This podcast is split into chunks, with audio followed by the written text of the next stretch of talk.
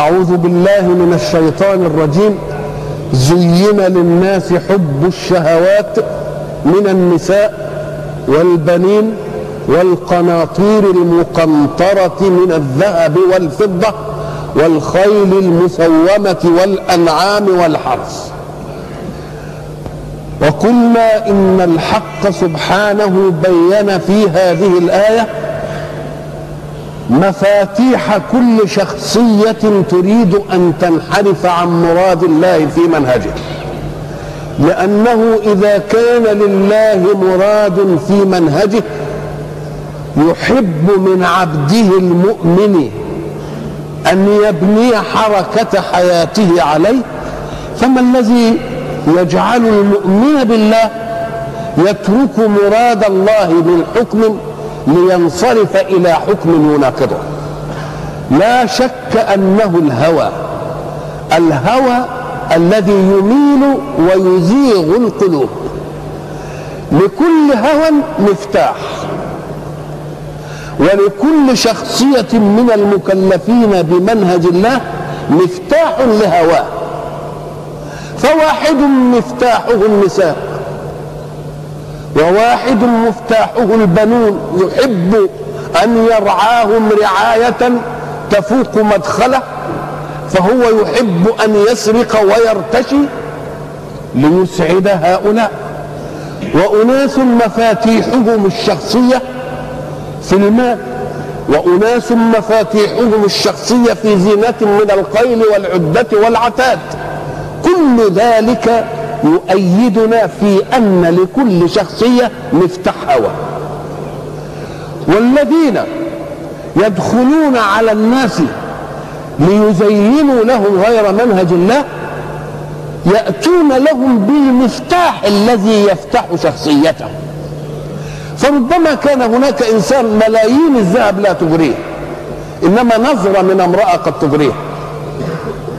يمكن واحد نظرة من امرأة لا تغريه وملايين الذهب لا تغريه. إنما حبك لولده وطبطبتك عليه وإطراءك له يغريه. إذا فكل واحد له مفتاح شخصية. الذين يريدون أن يغروا الناس يعرفون مفاتيح شخصية هؤلاء. فحين يقول الحق زين للناس هذه الأشياء فإذا كان الله قد أراد أن يصرفنا عنها فلقائل أن يقول ولماذا خلقها. نقول له ما دام قال زينا وبناها كما يقول النحاة للمجهول أي لما لم يسمى فاعله. كان يقدر يقول زينا كذا للناس حب الشهوات. إنما قال زينا مين اللي زين؟ قلنا إن من الممكن أن يكون الشيطان. ومن الممكن أن يكون منطق المنهج هو الذي يزين. ألم يقل ربنا هب لنا من أزواجنا وذرياتنا قرة أعين؟ إذا فما فما الفيصل في هذه المسألة؟ الفيصل في هذه المسألة أن الحق سبحانه وتعالى جعل لكل نعمة من نعم الحياة عملا يعمله الإنسان فيها. فالنساء إنما أخذت سكنا. ومعنى سكن يعني ارتياح عندها ارتياح عندها يعطيك كل معاني الحنان والعطف. وأيضا لتسكنوا إليها يعني ما تتنططوش. تبقى واحدة على الحلال وسكننا عندها وانتهت المسألة. وسدت أعيننا عن أعراض الناس. طب والبنين وواحد بيحب البنين ألم يقل سيدنا زكريا إني وهن العظم مني واشتعل الرأس شيبا ولم أكن بدعاء ربي شقيا وإني خفت الموالي من ورائي وكانت امرأتي عاقر فهب لي من لدنك وليا. نقول له إيه؟ وعزه ليه؟ لماذا؟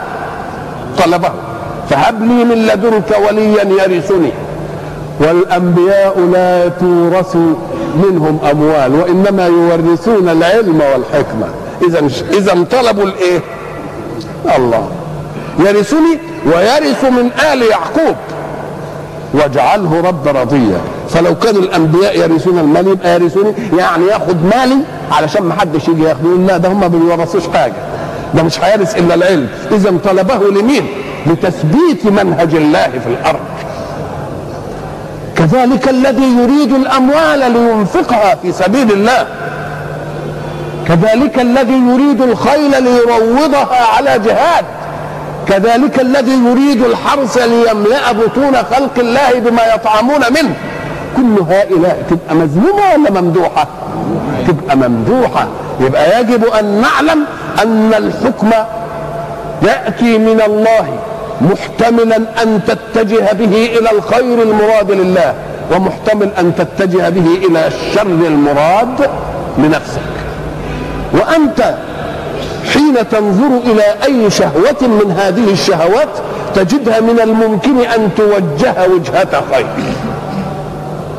ألم يكن هب لنا من أزواجنا وذرياتنا قرة أعين واجعلنا للمتقين إماما؟ أنا عايز أولاد كده عشان يرثوا المنهج السلوكي ويبقوا مسن طيبة للناس يقتدون بها. يبقى بنحبها ولا ما بنحبهاش؟ الله. طب والخيل هنكرهها ليه؟ ألم يقل رسول الله صلى الله عليه وسلم إن خيركم ممسك بعنان فرسه كلما سمع هيعة طار إليها؟ مش أمرنا أن نروضه اذا اذا من الممكن أن تكون هذه الأشياء فإياكم. أن تفهموا أن الله يزهدنا وينفرنا مما خلق ولكنه يزهدنا أن نستعمل ما خلق في غير مراد من خلق.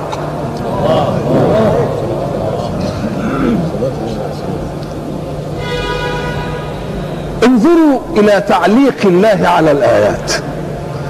ذلك متاع الحياة الدنيا.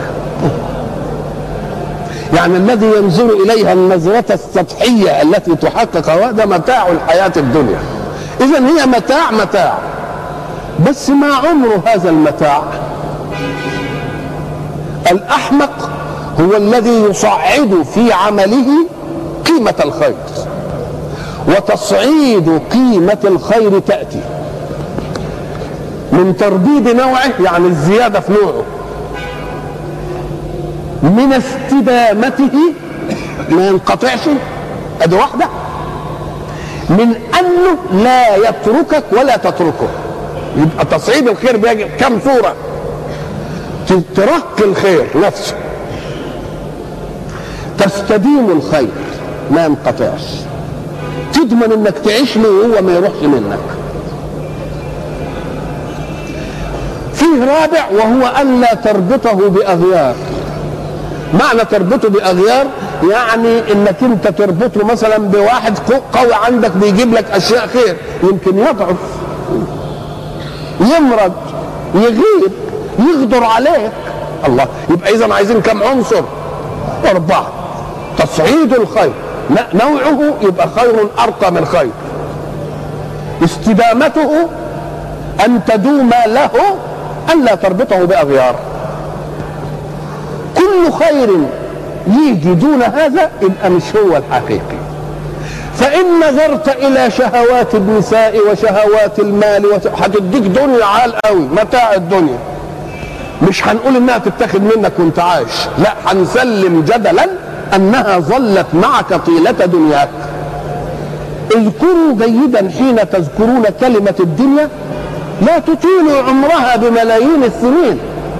لأن إحنا قلنا الدنيا عند المؤمن هي مقدار مكس المؤمن فيها. وإلا فما قيمة الدنيا إذا كان إذا كان عمر الدنيا ملايين السنين وأنا لا أعيش فيها إلا عشرين. تبقى هي الدنيا إيه؟ سنها كام؟ عشرين. يبقى إذا الدنيا تقاس بإيه؟ بعمر الإنسان فيها لا بعمر ذاتها لغيره لأن عمرها لغيره ماليش دعوة به طيب. فهب أن هذه الشهوات استدامت. نساء ومال وقناطير مقنطرة من الذهب والفضة وخيل والأنعام وكل حاجة. وظلت لك الدنيا.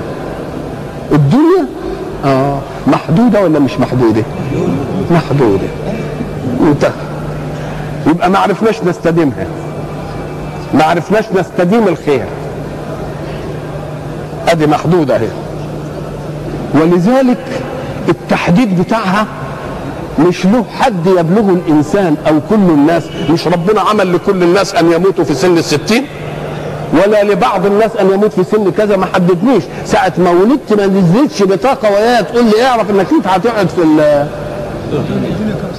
ولذلك يقال إن الإبهام أعلى درجات البيان. الإبهام اللي أنت تشوفه مبهم ده أعلى درجة في البيان. ليه؟ لأن لما ربنا أخفى عمر الموت. يجي إمتى؟ أدي واحدة بأي سبب؟ في أي زمان؟ في أي مكان؟ أخفى ده كله ولا لأ؟ أصبحت مترقبا له في كل لحظة. يبقى ده بيان وافي ولا لأ؟ بقى بيان أوفى بيان. يبقى إبهامه هو غاية الإيه؟ هو غاية البيان.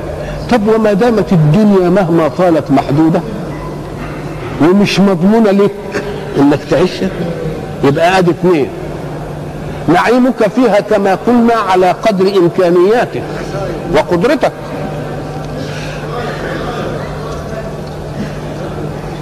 إن لم تذهب منك قد تذهب أنت منها. يبقى اذا عناصر تصعيد الخير مفقودة. فإذا ما قارنت كل ذلك باسم الحياة تبقى اسمها الدنيا. الواطيه يبقى مقابل الدنيا إيه؟ عليا. مقابل الدنيا عليا. عليا ليه؟ لأنها ستصعد الخير. بعد أن كانت محدودة ستذهب إلى جنة وإلى حياة غير محدودة. هذا أول تصعيد. تضمن أنها أكلها دائم. مش هينقطع تضمن انك خالد فيها مش هتموت منها الله. تضمن حاجة تانية؟ قيمة نوعها لأن الخير إنما يأتي على مقدار معرفة الفاعل له للخير. ومعرفتك للخير جزئية محدودة. ومعرفة الله للخير كمال مطلق. فأنت في الآخرة ستتنعم في الخير على مقدار ما علم الله من الخير. يبقى حياتنا دنيا ولا مش دنيا بقى؟ يبقى إذا طلب منا إننا ما ننخدعش للدنيا ونعرف إن متاع. يبقى حب لنفسنا ولا كره لنفسنا؟ ده حب لنفسنا. ليه؟ لأنه أراد أن يصعد لي الخير ولذلك ما تغشناش إحنا. قال اسمعوا في كذا وفي كذا وفي كذا وفي كذا وكذا بس أنا هقول لكم أهو متاع الحياة الإيه؟ الدنيا. والدنيا زي ما قلنا وضعها كما قلنا محدودة. لا تدوم لها ولا تدوم لك. إمكانياتك في النعيم على قدرك وإمكانياتك في الآخرة على قدر إمكانيات ربك.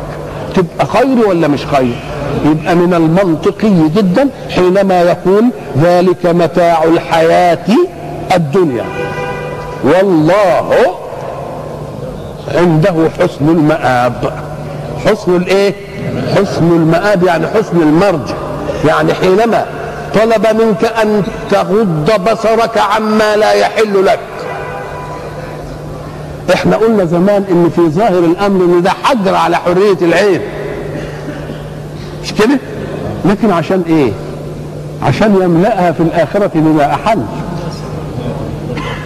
يبقى أحبك ولا كرهك؟ صعدها لك في الخير ولا ما صعدهاش؟ قال لك انت معاك مثلا ريال ولقيت واحد غلبان وبتاع وانت جعان فآثرته على نفسك. أثرته على نفسك ليه؟ عشان إيه؟ مش علشان تاخد اثر مضاعفات تبقى أنت بتحب نفسك. يبقى الدين نفسه. قضية الدين أنانية ولا مش أنانية؟ أنانية بس أنانية عالية مش أنانية حمقاء. قال والله عنده حسن الماء المآب حسن الايه؟ حسن المرجع. ثم أوضحها وفصل حسن المآب بقوله سبحانه قل أنبئكم بخير من ذلك؟ يمكن حسن المآب دي مجملة كده ما ادتكش يعني قل أنبئكم ساعة ما تسمع أخبركم أنبئكم اعرف أن أخبركم يبقى كلام عادي. إنما أنبئكم يبقى خبر إيه؟ خبر هائل خبر عظيم. لا يقال إلا في الإيه؟ أما ما أقولكش أنا أنبئك منك أنت هتتغدى النهارده مش عارف إيه. إنما أنا أنبئك منك جات لك جايزة أو أنبئك منك خدت الدكتوراه أنبئك بأن يعني لازم يكون إيه؟ ولذلك إيه عما يتساءلون عن النبأ العظيم. اللي هيقلب كيان الدنيا دي كلها. ما. قل أنبئكم بخير من ذلكم؟ بخير من هذه الأشياء؟ الله. إذا فقد جعل هذه الأشياء مقياس. ليه؟ لأنه مقياس محس. مقياس محس. فجعله هو المقياس. وبعدين قال لك لا ده في أحسن من إيه؟ فيه خير اللي إحنا قلنا بقى التصعيد. نبئكم بخير من إيه؟ من ذلكم. إيه اللي خير من ذلكم؟ للذين اتقوا عند ربهم. وشوف كلمة عند ربهم كمان. ربهم إحنا قلنا الرب هو المتولي لمين؟ للتربية. والمتولي للتربية هو أن يتعهد المربي. المربى لما يبلغه درجة الكمال المطلوب منه. مش هو كده؟ وما دام عند ربي. شوف اللي عندي وعند مين؟ وعند ربي. جنات تجري من تحتها الأنهار. طب نشوف الخيرية هنا إيه؟ طب الخيرية قال عليها اللي مقابل الجنات دي هناك الحرث. مش كده الحرث والزرع؟ إنما إحنا قلنا لما جه يتكلم عن الزرع يتكلم بها باسم الحرث. عشان يعرف إن دي حاجة بت إيه؟ بتحتاج إلى حركة. لكن انت مش هتتحرك ولا حاجة. ده الجنات جاهزة وتجري من تحتها الأنهار. وأعدت. يبقى مش هتتعب في حاجة يبقى خير ولا مش خير؟ آه جنات تجري من تحتها الأنهار. يبقى خير تمام. صحيح. طيب. خالدين فيها وأزواج مطهرة. شوف كلمة بقى وأزواج مطهرة. لكن حب النساء. لكن النساء بيطرأ عليها أشياء قد تنفر إما خلقا تكوينيا وإما خلقا. مش كده؟ يعني مثلا تيجي مرار عليها وقت تقرف تجي ناحيتها قد يكون فيها خصلة من خصال الخلق السيئة تكره الواحد في جمالها. مش كده؟ قد تكون جميلة أوي أوي ونفسها وحش. أي حاجة من دي. قام قال لك أهي بقى النساء اللي أنت مكسوس فيها ديت وهيخدعك كده منظرها ولما تطب في واحدة تلتفت تلاقي فيها خصلة من السوء تكرهك في كل شيء. مش كده؟ قال لك أزواج مطهرة. مطهرة من كل ما يعيب نساء الدنيا. يبقى هتاخد جمالها ولا فيش فيها إيه؟ شرها ولا خيرها. وأزواج إيه؟ ومطهرة من الذي طهرها؟ إنه الله. شوف التطهير بقى يبقى إيه شكل؟ يطهرها خلقا وإيه؟ خلقا. طب المرأة اللي أنت مثلا تشتهيها وبعدين يمر عليها مثلا 15 سنة تبقى فيها نضارة تستميلك وتجذبك وبعدين بقى تكرمش وبعدين ترهل وبعدين يبقى مش عارف مش كده؟ ولا إيه اللي يحصل؟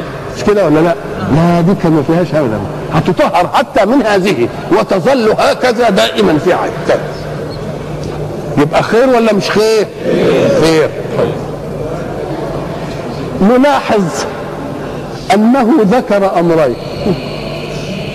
الأمر الأول جنات تجري من تحتها الأنهار نقارن بينها وبين الحرث. أدي واحدة. الثاني جاب لنا الأزواج المطهرة عشان النساء. وبعدين الباقي ده ما جابوش خالص.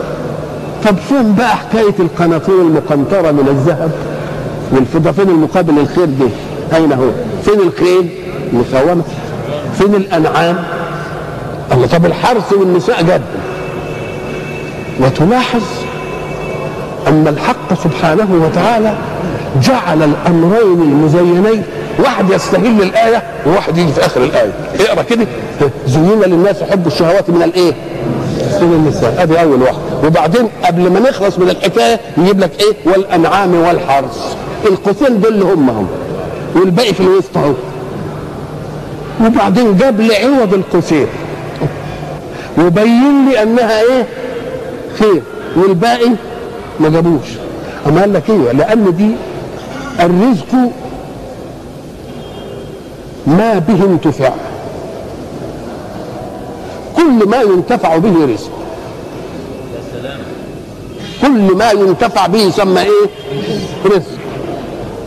الخلق الطيب رزق سماع العلم رزق مش كده أدبك رزق حلمك رزق صدقك رزق كل ما ينتفع به يسمى إيه؟ رزق. لكن الرزق مرة يكون رزقا مباشرا بحيث تنتفع به مباشرة. ومرة هو ما ينفعش مباشرة إنما قد يأتي بما ينفع مباشرة. مثلا الخبز ده رزق مباشر. الخضار اللي بناكله اللحم ده رزق مباشر ولا لأ؟ طب والفلوس والمال؟ هو رزق صحيح إنما أهو رزق مباشر؟ طب هبك جوعان وعندك جبل من ذهب. لو واحد قال لك خد رغيف واديني الجبل ده هتديه ولا لأ؟ كوباية ماء آه تبقى اذا ما فيش خير اذا ففيه رزق لا يطلب لذاته ولكنه يطلب لأنه وسيلة لغيره. فالوسيلة لغيره كله قال لك أنت مش هتعوزه في الدنيا لأنك ستسير بدل الأسباب بكل. فلا انت عايز مال ولا قناطير مقنطرة من الذهب والفضة لأن دي هتجيب بقى إيه؟ ده أنت كل ما تشتهي نفسك هتجي هتلاقيه، طب ولا أنتش عايز خير لأنك لا هتجاهد ولا هتعمل ولا ولا إلى آخره، مفهوم؟ ما أنتش عايز كل اللي ما أنتش عايزه ده ربنا جه في الإيه؟ قل أنبئكم بخير من ذلك وجاب لي الاثنين اللي هم إيه؟ الحاجات المباشرة والثانية الوسائل الثانية والوسائط التي لأن المال بنحبه الإيه؟ ما هو عشان يحقق لنا إيه؟ الخيل المسومة عشان تحقق لنا إيه الانعام عشان تحقق لنا إيه؟ لكن يا أخي ده أنت هتروح في حتة فيها ما تشتهيه الأنفس. كل ما يخطر ببالك تلتفت تلاقيه إيه؟ تلاقيه موجود. يبقى اذا الوسائط مش عايزينها يبقى ربنا تكلم عن الإيه؟ عن الأشياء الإيه؟ المباشرة وجاب لنا إيه؟ أزواج مطهرة وجاب لنا إيه؟ جنات تجري من تحتها الإيه؟ جنات تجري من تحتها الأنهار. قل أنبئكم بخير من ذلك؟ ساعة ما يقول لك لما يجي يجي واحد يريد أن يخبرك بشيء. كان المنطق أن يخبرك به إنما بيسألك أقول لك ولا ما أقولكش؟ شوف التشويق الأسلوب الجميل. شوف حنان ربنا على خلقه. أنتوا ما أنتوش عايزين مني حاجة أقولها لكم كده أحسن من دي؟ فكأنه نبه من لم ينبه. وهل انتظر إلى أن نقول له إيه وقول لنا ولا قال لنا؟ يبقى ده استفهام للتقرير بس بيشوقك ساعة تقول أنبئك بخير من هذا ذهنك يشتغل. إيه اللي أحسن من ده؟ وتقعد بقى إيه؟ إن قعد ساعة تفضل ذهنك كله مشغول بإيه؟ كل الساعة دي. يقوم يشوقك عشان يجي الجواب على إيه؟ على اشتياق فيتمكنوا من إيه؟ من نفسك. قل أنبئكم بخير من ذلكم؟ للذين اتقوا. اتقوا. والشهوات اللي تقدمت دي تيجي فيها التقوى ولا ما تجيش؟ ولذلك إحنا قلنا قضية علشان نرد بها على الناس اللي عايزين في الحياة زهادة ولا يعملوش ولا مش عارف إيه وفاهمين إن العبادة بس إننا نصلي ونصوم ونترك كل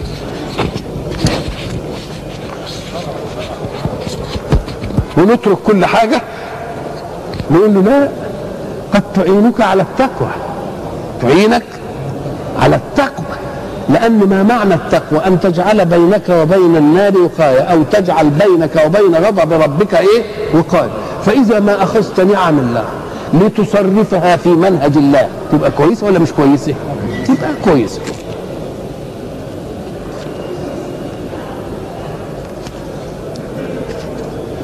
اللهم صل على سيدنا الذين اتقوا اتقوا معناه قلنا اتقى النار أو اتقى غضب مين؟ غضب الله. وهي وقلنا أن اتقوا النار واتقوا الله الاثنين ملتقيين. لأن معنى اتقوا النار عشان ما تصبكوش بأذى. واتقوا الله يعني اتقوا غضب الله. غضب الله هيجيب عذاب والعذاب من جنود النار. تبقى قد بعضها ولا لأ؟ تبقى قد بعضها. اذا الذين يتقون الله لا يظنون أنهم زهدوا في هذه الحياة لذات الزهد فيها ولكن لا للطمع فيما هو إيه؟ فيما هو أعلى منها. وبعد ذلك يقول الحق سبحانه وتعالى إنكم لن تتمتعوا في الآخرة لضرورة الحاجة للمتعة بحيث إذا ما جاءت النعم عليكم تحبون فقط أن تروا المنعم.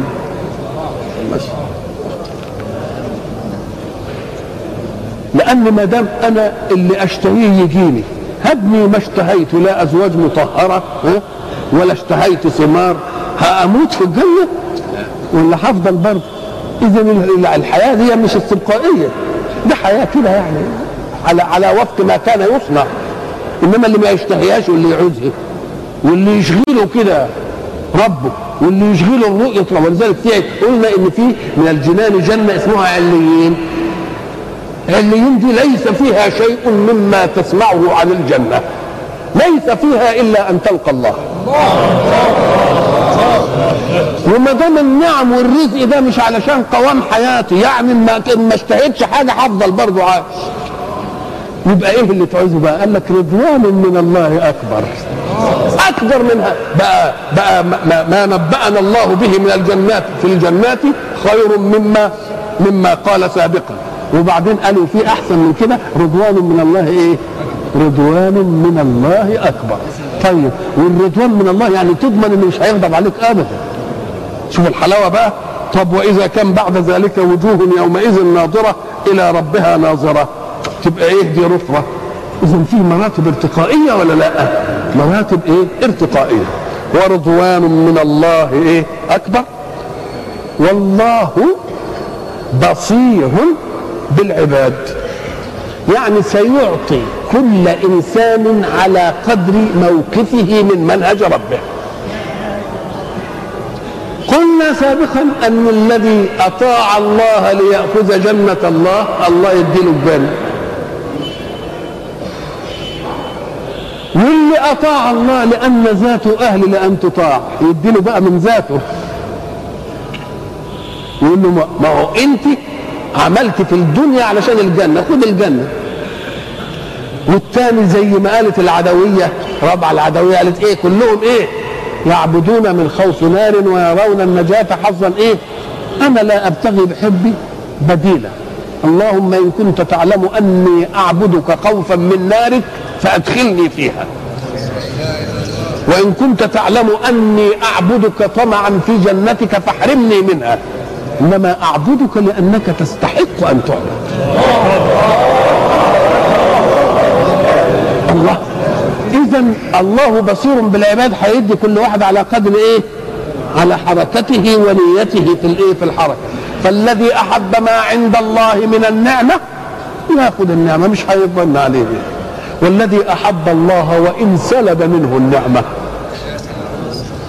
ولذلك هذه تلك هي مباهاة الله لملائكته.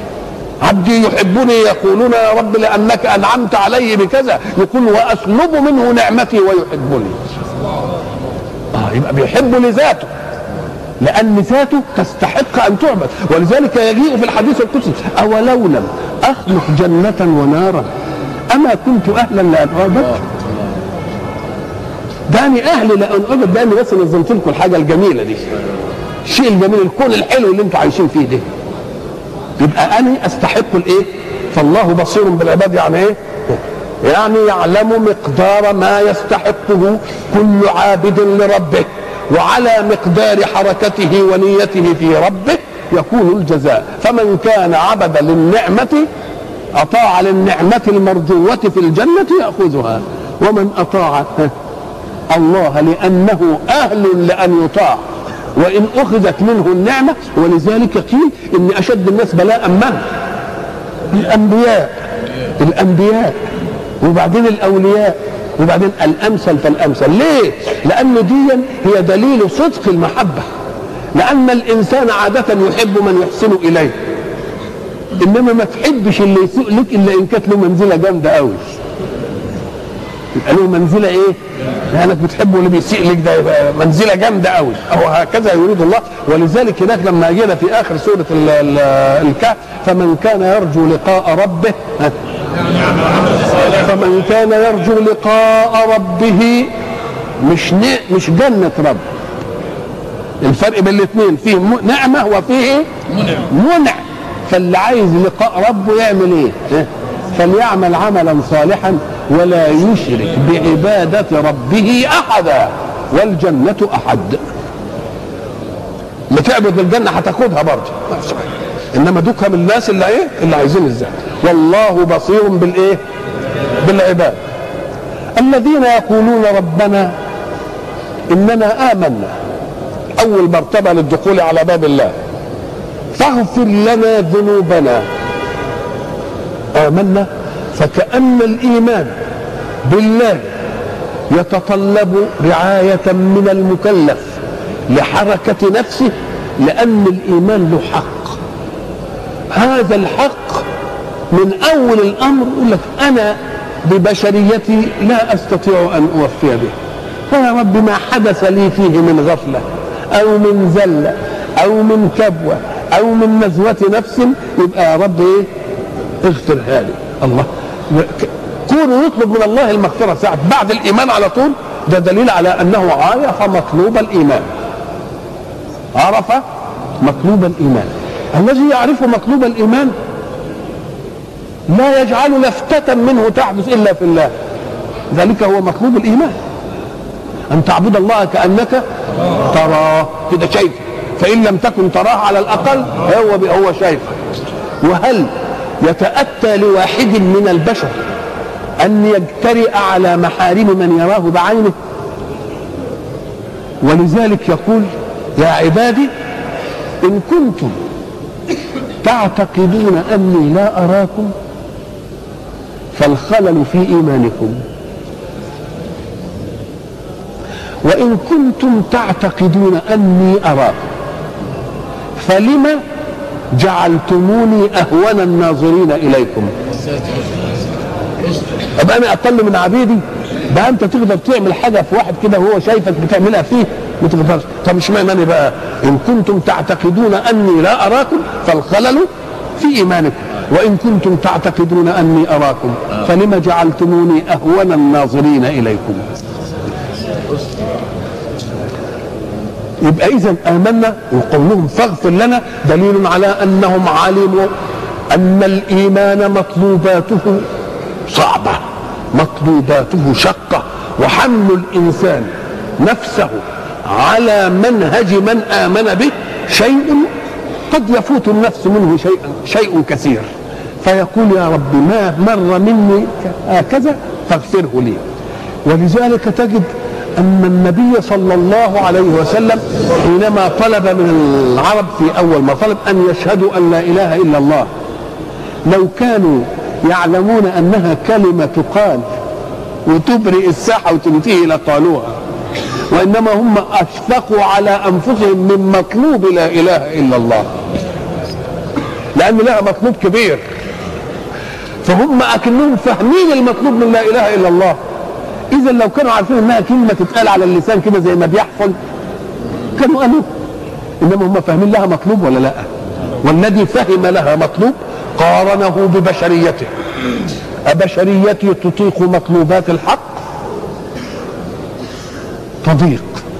فقال لك إذا لابد أن تطلب منه مع إيمانك وإعلان إيمانك أنه يغفر لك.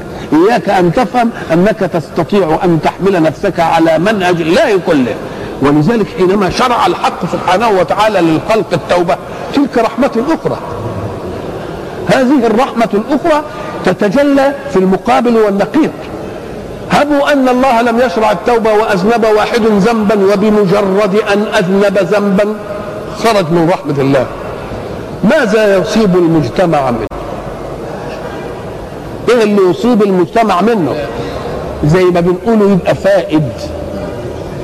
لكن لما يفتح له باب التوبة يقوم من عمل ذنب في سهوة كده من نفسه أو في سهوة من دينه يقوم يرجع إلى إيه؟ رب. يبقى عصمنا ولا لا؟ عصمنا من الفاقدين ولا لا؟ يبقى عصمنا من الفاقدين. ويبقى دين واقعي. دين واقعي. مش مش مش كلام بس بينقال لا مقدر الواقع. وحين يقدر الواقع يعرف إن هم هيعملوا ذنوب. يعملوا ذنوب نقوم نعمل لهم إيه؟ تجريمات في الدنيا؟ وبعد ذلك نطلب منهم أن يتوبوا عنها وأن وأن يستغفروا. فإذا ما لزعتهم التوبة حينما يتذكرون الذنب أقول إن اللزعه ده إيه؟ كل ما تلزعهم ادي لهم حسنة. كل ما تلزعهم ادي لهم إيه؟ حسنة. الذين يقولون ربنا إننا آمنا فاغفر لنا ذنوبنا. شوف رتبوا غفران الذنب على مين؟ على الإيمان. ليه؟ لأنه ما دام الحق سبحانه وتعالى قد شرع التوبة وشرع المغفرة للذنب يبقى معناها أنه علم ازلا أن عباده قد تخونهم نفوسهم فينحرفون عن منهج الله. وقنا عذاب النار. فاغفر لنا ذنوبنا وقنا عذاب النار. كأن غفران الذنوب شيء والوقاية من النار شيء ثاني الله إزاي بقى؟ قال لك إيه؟ لأن ساعة أنا ما أعلم أن الحق سبحانه وتعالى ضمن لي بواسع مغفرته. أن يستر علي الذنب. ستر الذنب نوعين. هو الناس بتفهم إن الذنب ينعمل وبعدين ربنا يغفره طب ولماذا لا تقول اغفر لنا ذنوبنا؟ استرها فلا تأتي لنا خالص. ما تجيش خالص لنا ذنوب. وإن جاءت تبقى محل الايتم فإذا ما علمت أنني أذنبت ذنبا. ثم استغفرت ربي وعلمت أن ربي أذن بالمغفرة لأنه قال استغفروا انه كان إيه؟ إنه كان غفارا.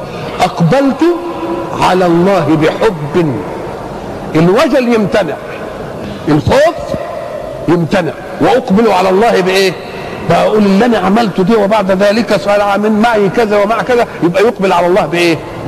بحب وبإيه؟ وبشوق وقنا عذاب النار في الإيه؟ في الآخرة. إن كنا ما استغفرناش حتى نسينا حتى. أليس الاستغفار من الذنب تكليف؟ وهل التكاليف كلها المفروض فيها إن أنا بعملها؟ ما يمكن اسهى عندي ركبه طب وإذا نسيت عندي أعمل إيه بقى؟ قال له لا قنا عذاب النار.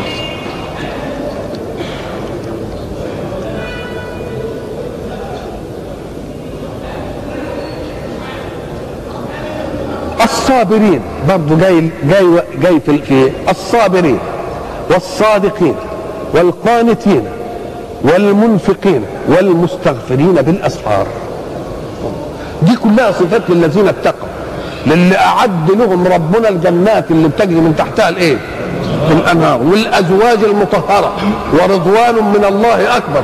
هم لمين؟ للذين اتقوا وقالوا كذا وكذا وكذا وهم صابرون. وصادقون. وقانتون ومنفقون ومستغفرون بالأسحار. صابرون؟ قال لك نعم. ليه لأن تك... شوف كلمة تكليف من الله. تكليف. التكليف أول ما تسمعه كده يبقى فيه كلفه ومشقة. طب وهي التكاليف الشرعية فيها مشقة؟ قال لك نعم. لأنها قيدت حريتك. خلقك الحق خلقا صالحا لأن تفعل كذا وأن لا تفعل. فساعة يقول لك افعل يبقى سد عليك باب لا تفعل. وساعة يقول لك لا تفعل تبقى سد عليك باب. يقيد حركتك ولا لا؟ تقييد حركة المختار عادة اللي مخلوق على هيئة الاختيار يبقى فيه مشقة عليه ولا لا؟ يبقى فيه مشقة. فإذا ما جاء أمر الله بفعل قد يكون الفعل في ذاته شقا فإن صبرت على مشقة الفعل الذي جاء بواسطة افعل تبقى صابر. يبقى صبرت على الطاعة على. صبرت على إيه؟ الطاعة. وقد تصبر عن عن المعصية. شيء يلح عليك إنك تغضب ربنا. فتقول له لا مانيش عامل. يبقى صبرت عنها. يبقى في افعل صبرت على مشقتها. فصبرت إيه؟ عليها. وفي لا تفعل صبرت إيه؟ عنها. يقول لك بص لدي. لا تنصرف عنها. يبقى اذا الصابرين لهم كما؟ تجاه؟ تجاهين اثنين لأن التكليف إما أن يكون بفعل وإما أن يكون بلا تفعل. فساعة يأتي لك بفعل قد تأتي المشقة. يبقى لما تفعل تبقى صبرت على مين؟ على المشقة. ولما يقول لك لا تفعل لا تشرب الخمر لا تزني لا تسرق. يبقى إيه؟ صبرت عنها. يبقى في صبر على وصبر عنه, عنه. يبقى استوعب استوعبت نوع التكليف اللي هي افعل ولا إيه؟ وبقيت بعد ذلك أحداث لا تدخل في نطاق افعل ولا تفعل. وهي ما ينزل عليك نزولا قدريا بدون اختيار منك. لأن الإنسان له ثلاث حالات. الاختيارية والقهريه القسرية. فديا عالجت الأمر الذي فيه اختيار. افعل ولا تفعل لأن إحنا قلنا ساعة يطلب الله منك أن تفعل يبقى خلقك صالحا أن لا تفعل. وإلا لو كنت تفعل ما كانش قال لك. كانت تبقى طبيعي. وكذلك إذا قال لك لا تفعل فأنت صالح أن إيه؟ أن أن تفعل. إذا قال لا تفعل تبقى أنت صالح ان أن تفعل. وإذا قيل افعل أنت صالح ان لا ان لا تفعل. طب والأشياء التي لا صلاحية فيها للاختيار؟ يبقى الصبر على آلامها. الصبر على إجهادها؟ ليه؟ قال لك لأنك آمنت بالله ربا والرب هو الذي يتولى تربية المربى لبلوغه حد الكمال المنشود له. يبقى إذا جاء بأمر لا خيار لك فيه. مرضت سقطت علي صخرة وأنا ماشي. سيارة طلعت كده طايشة. رصاصة جات لي مش عارف إيه. يبقى دي أمور لا دخل يفعل ولا إيه. ولا تفعل فيها تبقى الصبر عليها إيه؟ يؤمن بحكمة من أجراها عليه. يؤمن بحكمة من أجراها عليه. لأن الذي أجراها رب هو الذي خلق فأنا صنعته. وما رأينا أحدا يفسد صنعته أبدا. يبقى ما دام ده أمر علي بدون اختيار مني يبقى الذي أجراه له فيه حكمة. فإن صبرت على هذه الآلة يبقى أدخل في باب الصابرين. يبقى الصابرين كم نوع بقى؟ صابر على الطاعة ومشقتها خلاص؟ صابر عن المعاصي ومغرياتها. صابر على الأحداث القدرية التي تنزل عليه بدون اختيار منه. وهات إنسانا صبر على أمر الطاعة وصبر عن شهوة المعصية وصبر على الأقدار النازلة به واعرف حبه لربه ورضاه عنه. وإلى لقاء